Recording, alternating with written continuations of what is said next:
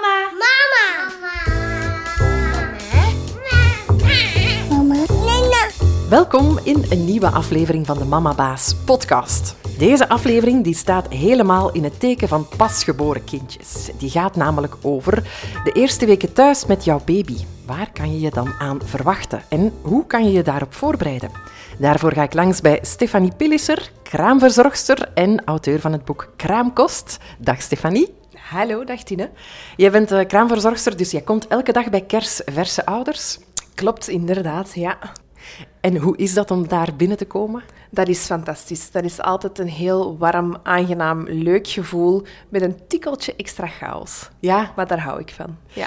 Nu, je komt vaak, uh, of mensen komen vaak met hun baby thuis een paar dagen na de bevalling. Die staat gekend als de periode van de baby blues. Bestaat die echt? Ja, zeker. Die is uh, absoluut aanwezig, zowel bij mama als bij papa. Um, uiteraard natuurlijk bij mama's net iets heviger omwille van de hormoonschommelingen. Maar um, baby blues zijn zeker aanwezig in elk gezin. Ja, en hoe uit die zich dan bij de mama, om te beginnen? Ja, dat is heel erg verschillend. Um, elke mama reageert daar eigenlijk anders op. De ene mama reageert daar iets chaotischer op dan de andere. Sommige mama's zijn heel erg rustig, maar hebben superveel vragen. De andere mama is eerder heel erg emotioneel en kan de ene huilbui na de andere doorstaan. En ja, eigenlijk is dat heel verschillend. Er is geen echte richtlijn voor een mama. Nee, en je zegt papa's kunnen dat ook hebben? Ja, absoluut, zeker en vast. Er zijn papa's die inderdaad last hebben van baby blues, die na dag twee of dag drie van de geboorte het, um, het gevoel krijgen van wow, ik moet jullie hier gaan beschermen, deze is mijn gezinnetje en ik sta daar als een leeuw voor mijn kind en mijn vrouw. En ja. hoe uitziet dat dan in blues bij de papa? Ja, sommige papa's kunnen ook effectief echt wel die huilbuien ervaren, die daar, um, toch wel wat emotioneler zijn. Daar is eigenlijk weinig rond gekend, maar die papa's zijn er zeker. Um, ook papa's die heel veel vragen hebben van wat kan ik doen en hoe kan ik helpen en ja, wat zijn mijn taken, hoe kan ik bonden met mijn kindje of, of hoe moet ik mijn vrouw soigneren. Vooral die vragen ja. allemaal. En heb je daar tips voor? Wat kunnen papa's doen om hun partner te helpen of te assisteren? Zeker, zeker. Een, uh, een papa kan eigenlijk heel veel doen. Veel meer dan dat hij denkt. Um, bijvoorbeeld, een mama is borstvoeding aan het geven. Voorziet uw vrouw van een lekker tasje thee, een, een goede fles water. Um, vraagt of je een kussen kunt goed steken achter haar rug. Heeft het warm genoeg? Kan ze een dekentje gebruiken?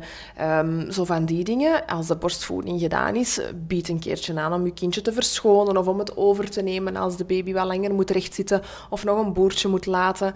Um, zorg ervoor dat mama op tijd en stond een douche kan nemen. Zorg dat uw vrouw even op hun, op hun plooi kunnen komen.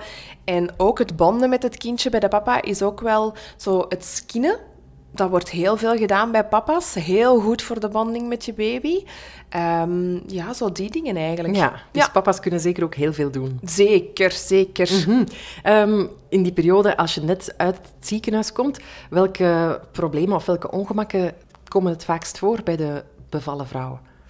Um, bij de bevallen vrouw voornamelijk ook nog wel het lichamelijke natuurlijk. Hè, want ja, er, er, is een babytje geboren, maar er is ook een mama geboren. Het lichaam is helemaal veranderd. Um, die een buik is er nog wel, maar dat babytje zit daar niet meer in. Um, heel vaak bij borstvoeding ook, ja, hoe gaat dat nu thuis gaan? Hè? Want we gaan naar huis en, en het ziekenhuis, die vertrouwde omgeving, die is er niet meer. Hoe gaat dat lopen? Gaat, gaat die borstvoeding goed gaan? Heb ik pijn? Heb ik geen pijn? De gevoelens die je voelt, zijn die normaal? Is dat oké okay dat ik gewoon begin te huilen? Um, ja, zo heel veel van uh, die vragen, vooral rond het lichamelijke, is, is heel vaak voorkomend. Ja, en die komen dan bij jou terecht, die vragen? Goh, dat is een beetje verdeeld, hè, want de kraamperiode wordt eigenlijk heel erg ondersteund door een team van vroedvrouwen en kraamverzorgenden. Ik vind altijd, hoe breder dat je team is, hoe beter natuurlijk. Hoe meer steun dat je kunt krijgen, hoe beter dat het u ook gaat lukken en hoe meer dat je je ondersteund voelt. Um, de lichamelijke ongemakken kunnen zowel bij de vroedvrouw als bij de kraamverzorgende besproken worden. Nu, echt specifieke richtlijnen rond bijvoorbeeld borstvoeding of um, vaginale omstandigheden die dat dan moeten besproken worden, dat is heel vaak met de vroedvrouw.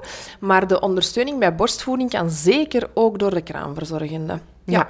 En is er een manier om je daar een beetje op voor te bereiden, om je huis helemaal klaar te maken voor als je thuis komt?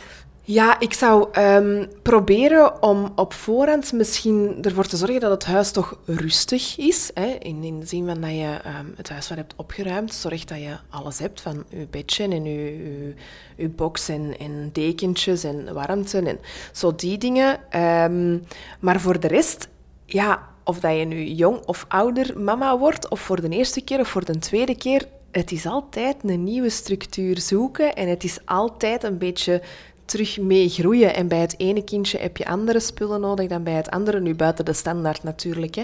Daarin kan je altijd heel goed laten informeren. Zeker bij zo van die geboortewinkels of bij de vroedvrouw of bij de gynaecoloog. Of, ja. Ja, en zijn er specifieke producten die je vooraf, voor je gaat bevallen, al in huis kan halen?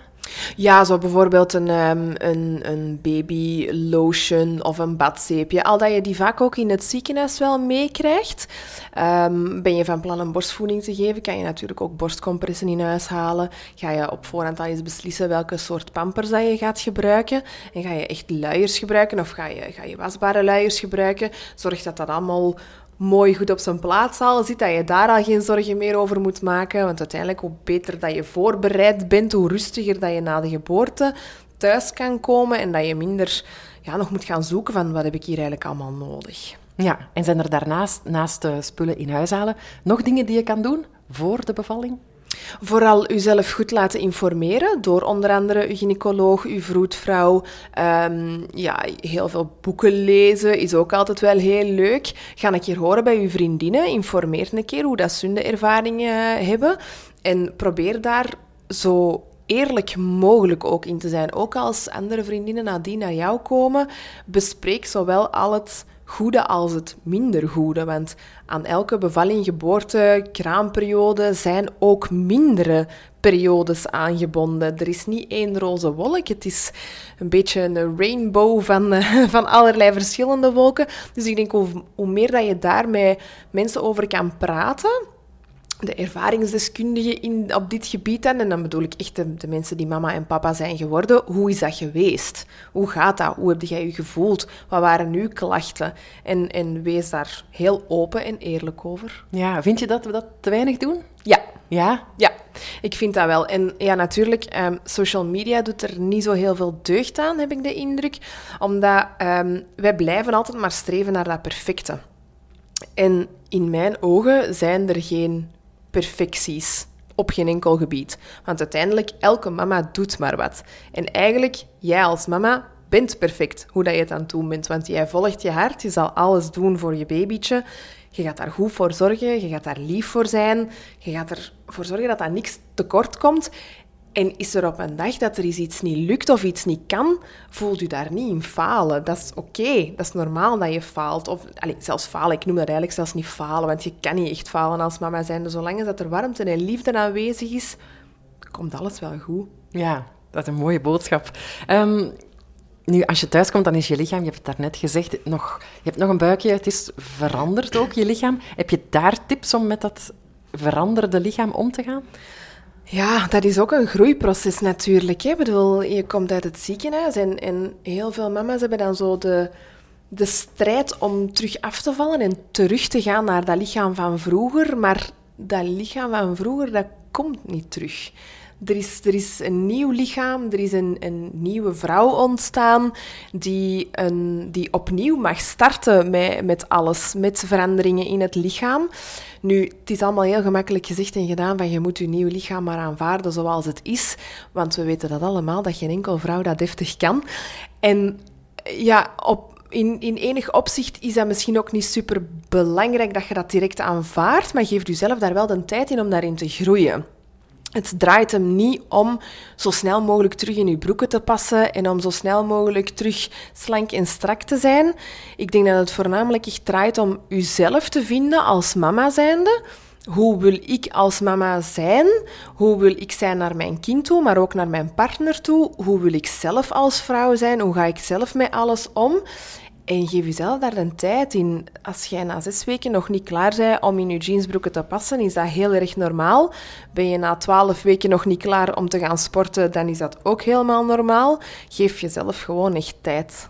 En zijn er dan veel mama's die daarover beginnen tegen jou? Ja, ja, heel Ja. veel. Ja, ja. Vooral heel veel die vloeken nadat ze een douche zijn gaan nemen en op de weegschaal zijn gaan staan. En dan probeer ik toch echt wel te zeggen van, kijk, dat is echt... Dat is normaal. Maar het is niet omdat het normaal is dat je het zomaar moet aanvaarden of dat het maar vanzelf moet gaan, die aanvaardingen. Het is, dat heeft tijd nodig. En ik denk dat daarin de papa ook weer een heel belangrijke rol kan spelen Ja. laten zien aan uw vrouw dat je ze echt graag ziet omwille van wie ze is, niet hoe dat ze eruit ziet. Een, een, een papa die regelmatig tegen zijn partner zegt van oh lieveke, je ziet er nog altijd kei mooi uit, dat gaat een heel goed gevoel geven. Dat, is, dat, dat, gaat niet, dat gaat ervoor zorgen dat de vrouw zoiets heeft van oké, ja, ik ben wel veranderd, maar mijn partner ziet mij wel nog altijd heel graag. Want ik spreek nu over een man, maar een, een, een vrouw van een vrouw kan dat natuurlijk ook altijd doen. Als je je partner laat, laat aanvoelen van... Hé, hey, jij bent nog altijd mooi. Jij bent nog altijd de persoon waar ik verliefd op ben geworden. Dat gaat heel veel doen aan het zelfbeeld van die personen. En is het al nuttig om te doen, echt in die kraamtijd? Zeker, zeker. Ja, ja, absoluut. Al die eh, hormonen en die emoties die spelen. Het, is, ehm, het heeft veel meer effect op, eh, op een vrouw dan je zou denken. Nu, ehm, wat dat papa's bijvoorbeeld ook wel kunnen doen, is, is mama verwennen met een lekker ontbijtje of een heerlijke lunch of zo. Zodat mama ook niet te veel moet nadenken over haar eten, want dat is het eerste wat vrouwen altijd vergeten. Dat is eten. Ze zorgen ervoor dat hun kindje alles heeft. Hun eten, verschonen, lekker badje, warme knuffels. Maar eh, ik kom heel vaak bij mama's thuis, smiddags, die zelfs nog niet hebben ontbeten, dat die er nog niet over hebben nagedacht van, ah ja, me. Ah ja, eigenlijk, ik heb zelf nog niet gegeten. Dus als papa zijnde kun je hierin ook weer inspelen, of vrouw zijnde, want partner van. Um, soigneer je partner met een goed ontbijt. Vraag of dat ze al heeft gegeten. Vraag of dat ze een lunchje kan hebben. Maak een lekkere soep. Zo van die dingen. Ja, in de watjes leggen. Oké. Yes. Stefanie, zo dadelijk praten we verder. Maar eerst maak ik even tijd voor de boodschap van onze sponsor, die ervoor zorgt dat we deze podcast gratis kunnen aanbieden. Mustella gelooft dat de eerste duizend dagen van een mensenleven de basis vormen voor een gezond en gelukkig leven. Er zijn duizend manieren om een goede ouder te zijn, maar nooit zou je als ouder moeten kiezen tussen beschermende huidverzorging enerzijds en de planeet anderzijds. Mustella ondersteunt en helpt ouders hierin en biedt milieuvriendelijke producten aan voor een optimale beschermende huidverzorging. Ontdek onze producten op mustella.be Terug naar jou, kraamverzorgster Stefanie Pilisser. We hadden het daarnet over de kraamtijd voor de mama vooral, maar nu toch ook even inzoomen op die baby's. De kraamtijd, dan denk ik, dat is de periode dat die heel veel slapen.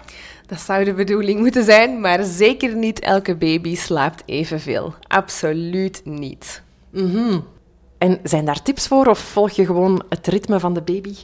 Goh, dat is um, ja, ook weer elke baby op zich natuurlijk. Hè. Er bestaat geen, geen richtlijn voor alle kinderen, want sommige kinderen hebben reflux, sommige babytjes hebben dan weer last van een koemelkeiwitallergie, andere babytjes hebben weer heel veel krampjes in de buik. Dus dat is heel erg babygericht en gezinsgericht ook wel. Wat past er van structuur in een gezin? Zijn er al meerdere kinderen? Is het het eerste babytje? Um, heeft dat babytje heel veel nood aan het wegnemen van prikkels? Dat wordt altijd zo een beetje per gezin bekeken. Hè? Dus uh, als het meer voedingsgewijs van borstvoeding en, de voeding van de mama is, dan wordt dat meer bekeken met uh, de vroedvrouw. En daarin ondersteunen wij als kraamverzorgende ook natuurlijk met wat dat wij aanbieden aan de mama om als maaltijd te maken. Wij kunnen daarin ook tips geven, um, maar gaat het dan eerder bijvoorbeeld over wanneer dat wij er zijn en het babytje heeft een groeispurtje en het is gewoon even een heel lastige periode, ja, dan zijn wij er natuurlijk om de baby over te nemen, zodat mama toch eens een paar uur kan slapen. En dat wij met een huilende baby dan op onze arm zitten, vinden wij helemaal niet zo erg. Wij troosten die met heel veel plezier dat die dan toch in slaap vallen. Maar de tips rond hoe baby's slapen zijn ontzettend uiteenlopend. Ja, ja, daar is niet één lijn in te trekken. Nee, jammer genoeg niet, want dan zouden ze allemaal goed slapen, denk ik. Ja, zijn er, kan je in het algemeen wel dingen benoemen, um, algemene ongemakken die alle baby's een beetje hebben als ze net thuiskomen? Goh, ja, um, vooral zo de groeispurtjes. Hè. Zo, um, er is een groeispurt tussen vijf en zeven weken. Dat is een, een helse week, om het zo te benoemen. Dat is bij praktisch elke baby zo. Die huilt dan heel veel, plakt heel veel bij de mama, wil superveel eten, slaapt veel minder goed. En dat is ook zo de periode waarin dat de mama's zich de vraag stellen van wat, wat doe ik hier verkeerd? Wat gebeurt er hier nu? Waarom slaapt mijn kindje nu niet? De voorbije weken ging dat wel goed. Dus bijvoorbeeld bij een groeispurtje, en dan is het inderdaad gewoon belangrijk dat je Ga luisteren naar, naar de structuur en het ritme van je kindje. Altijd dat altijd wel belangrijk is, maar zeker in van die groeispurtperiodes. Um, ja, en gewoon geborgenheid, liefde, troost. Een, een babytje heeft, heeft vaak heel veel nood aan, aan contact, aan, aan die geborgenheid. En dat is iets wat je je baby absoluut moet, uh, moet geven natuurlijk. Ik bedoel, als je de grootouders hoort spreken, dan is het laat hem een keer goed wenen, want je moet dat maar gewoon worden. Dan ja, nee, dat, dat is dus niet. Hè. Je kunt een kind niet belonen. Een, een babytje is niet... Allee, of, of beseft het beloningssysteem nog niet van, ah, ik ga nu huilen, dan word ik gepakt. En dat is eigenlijk hetgeen wat ik wil. Nee, een babytje wil gewoon heel graag dichtbij zijn, heeft soms nood aan, aan, aan die knuffels, aan, die, aan dat huid-op-huid contact. En dat is heel belangrijk om daar naar te luisteren. Ja, om gewoon toe te geven. Ja, ja, ja. En soms is het inderdaad dat je zegt van, oh, nu heb ik het echt een beetje gehad. Want bedoel, je bent zeker en vast niet de eerste mama die dan denkt van, oh, ik wil echt nu gewoon eens even niet mama zijn en geen baby op mijn lijf hebben plakken. Want hij plakt al uren op mij. Dat is een heel normaal en heel logisch gevoel. En vandaar dat kraamverzorging daar toch ook wel een heel groot deel in kan bijspringen.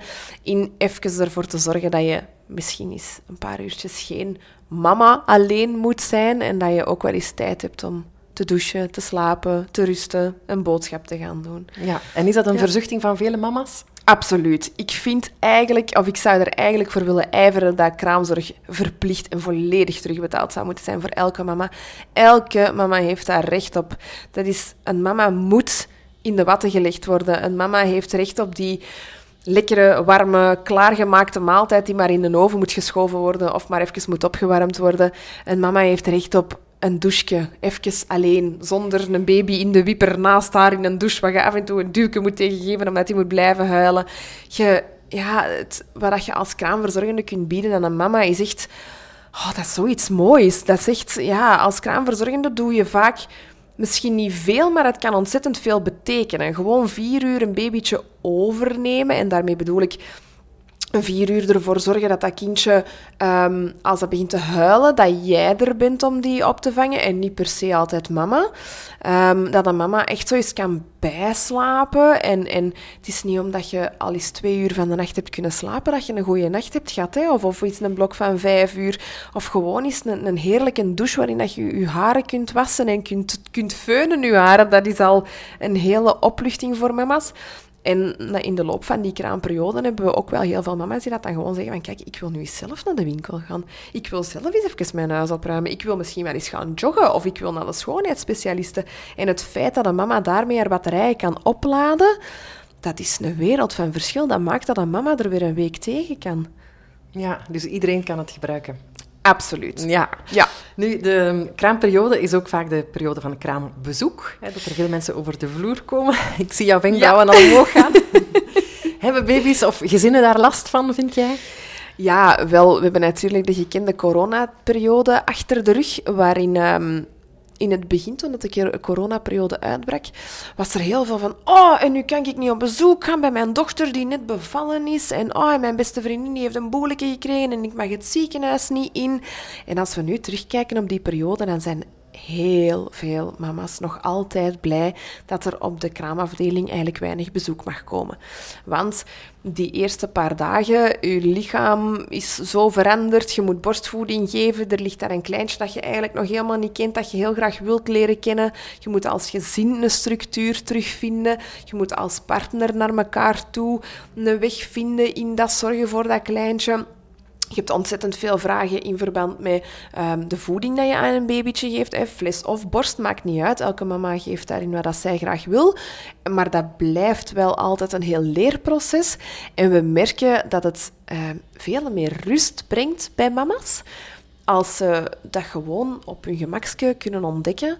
En ik merk ook wel dat er bij veel ziekenhuizen ook de, het kraambezoek in de ziekenhuizen echt wel is geminderd, omdat ze dat ook wel hebben gezien, welk positieve invloed dat dat heeft nu op de mama's en als gezinnen. En ook ja, ehm, naar de mama's thuis, hè, eens dat ze thuis zijn na het ziekenhuis of, of polyklinisch zijn bevallen, durf een keer nee te zeggen hè, tegen je kraambezoek. Dat is een heel gedurfde uitspraak, ik weet het. En heel veel mensen willen per se dat kindje komen bewonderen. En je moet ook zeker en vast niet altijd nee zeggen. En als je daar als mama zijnde van geniet, super, goed. Maar verwacht niet van een mama dat haar huis is opgeruimd en dat er eten voor u klaar staat. En, en dat die ondertussen ook nog met een baby er is en dat die er mooi uitgerust uitziet, want dat gaat niet. En ik vind ook als mama zijnde, als jij voelt van... Ik ben eigenlijk te moe vandaag, want ik heb echt een helse nacht achter de rug en ik wil op deze manier geen mensen ontvangen staat dat ook toe voor uzelf om daarin te zeggen van kijk, ik denk dat het beter is dat we een andere dag afspreken. Het is heel leuk dat je mijn kindje wilt komen bewonderen, maar ja, het, het, het, het komt niet altijd goed uit. En aan kraambezoek zelf ook, als een mama aangeeft, oei, mijn babytje moet ze biedt gaan eten, dan is dat vaak ook een aanduiding om te zeggen van kijk, het past niet meer echt. Ja. Het komt niet meer goed uit, of, of, of we moeten een beetje gaan voortdoen, of ik vind mijn draai hierin moeilijk, ik zou het graag even op mijzelf doen. En misschien ook nog wel een leuke tip als je um, op kraambezoek gaat, neem eten mee. Ah ja. Kraamkost. Ja. Kraamkost, het is de mooiste cadeau voor ouders. Ja, vind je dat? Ja, en ik vind dat niet alleen natuurlijk, hè, want ja, er is een reden waarom dat ik een boek heb geschreven natuurlijk. Het is gewoon omdat het, um, het is zo'n welgekomen cadeau voor mama's. Hoe vaak dat mama's of papa's vergeten te koken s'avonds of gewoon geen tijd hebben omdat er weer een huiluurtje zit of ze zijn niet op tijd naar de boodschappen geraakt of dit of dat het is een wereld van verschil om een ovenschoteltje mee te nemen of een lekkere warme soep of een pot voorgemaakte muesli dat de mama aan ontbijt heeft om gewoon maar uit de pot te schippen. Ja, en dat vond jij zo belangrijk dat je er inderdaad een boek over geschreven hebt. Kraamkost. Ja, ja klopt. Wat is zo zelf jouw favoriete kraamkost om mee te nemen of te maken? Goed, um, ja, de Sweet Pumpkin Moussaka is wel echt een toppertje. Ook omdat dat een ovenschotel is die dat net iets meer werk vraagt. Maar omdat het een ovenschotel is, kan je het ineens in een heel grote hoeveelheid maken. Waar dat mama en papa, of mama en mama, papa en papa, um, nog van kunnen invriezen. Waarbij dat ze dan ook nog voor een andere dag eten hebben. Um, er zitten heel veel vitamintjes in, lekkere groentjes. Het is een, uh, ja, een warme afsmaker ook. Dat is toch mijn favoriet. Ja, ja. oké. We nemen het mee. Dankjewel, Stefanie, om langs te komen in deze podcast. Heel graag gedaan. Je luisterde naar de podcast van Mama Baas. Interview en montage waren in handen van mezelf, Tine de Donder. Wil je niks van deze podcast missen? Abonneer je dan nu meteen helemaal gratis. En vond je het een fijne podcast? Geef ons dan alsjeblieft een goede review, zodat wij nog meer ouders kunnen helpen. En jij kan ons ook helpen. Spread the word. Stuur deze podcast naar jouw vrienden of vriendinnen die hier zeker iets aan kunnen hebben. Er is ook nog veel meer Mama Baas te vinden op Facebook en Instagram en onze website mamabaas.com. En, dit is helemaal nieuw, want als je hoofd vol zit met vragen rond het welzijn en de opvoeding van je kindje, dan is er nu Mama Baas Plus. Met concrete en kwaliteitsvolle antwoorden dankzij masterclasses van ervaren experten. Specifieke thema's zoals slaap, opvoeding, EHBO en veel meer, die worden op een heel toegankelijke manier uitgelegd. In totaal 120 eh, minuten aan video's zijn dat. En die video's die kan je bekijken wanneer het jou past en die worden aangevuld met een handig werkboekje. Alle info op mamabaasplus.com. Heel graag tot binnenkort voor een nieuwe aflevering.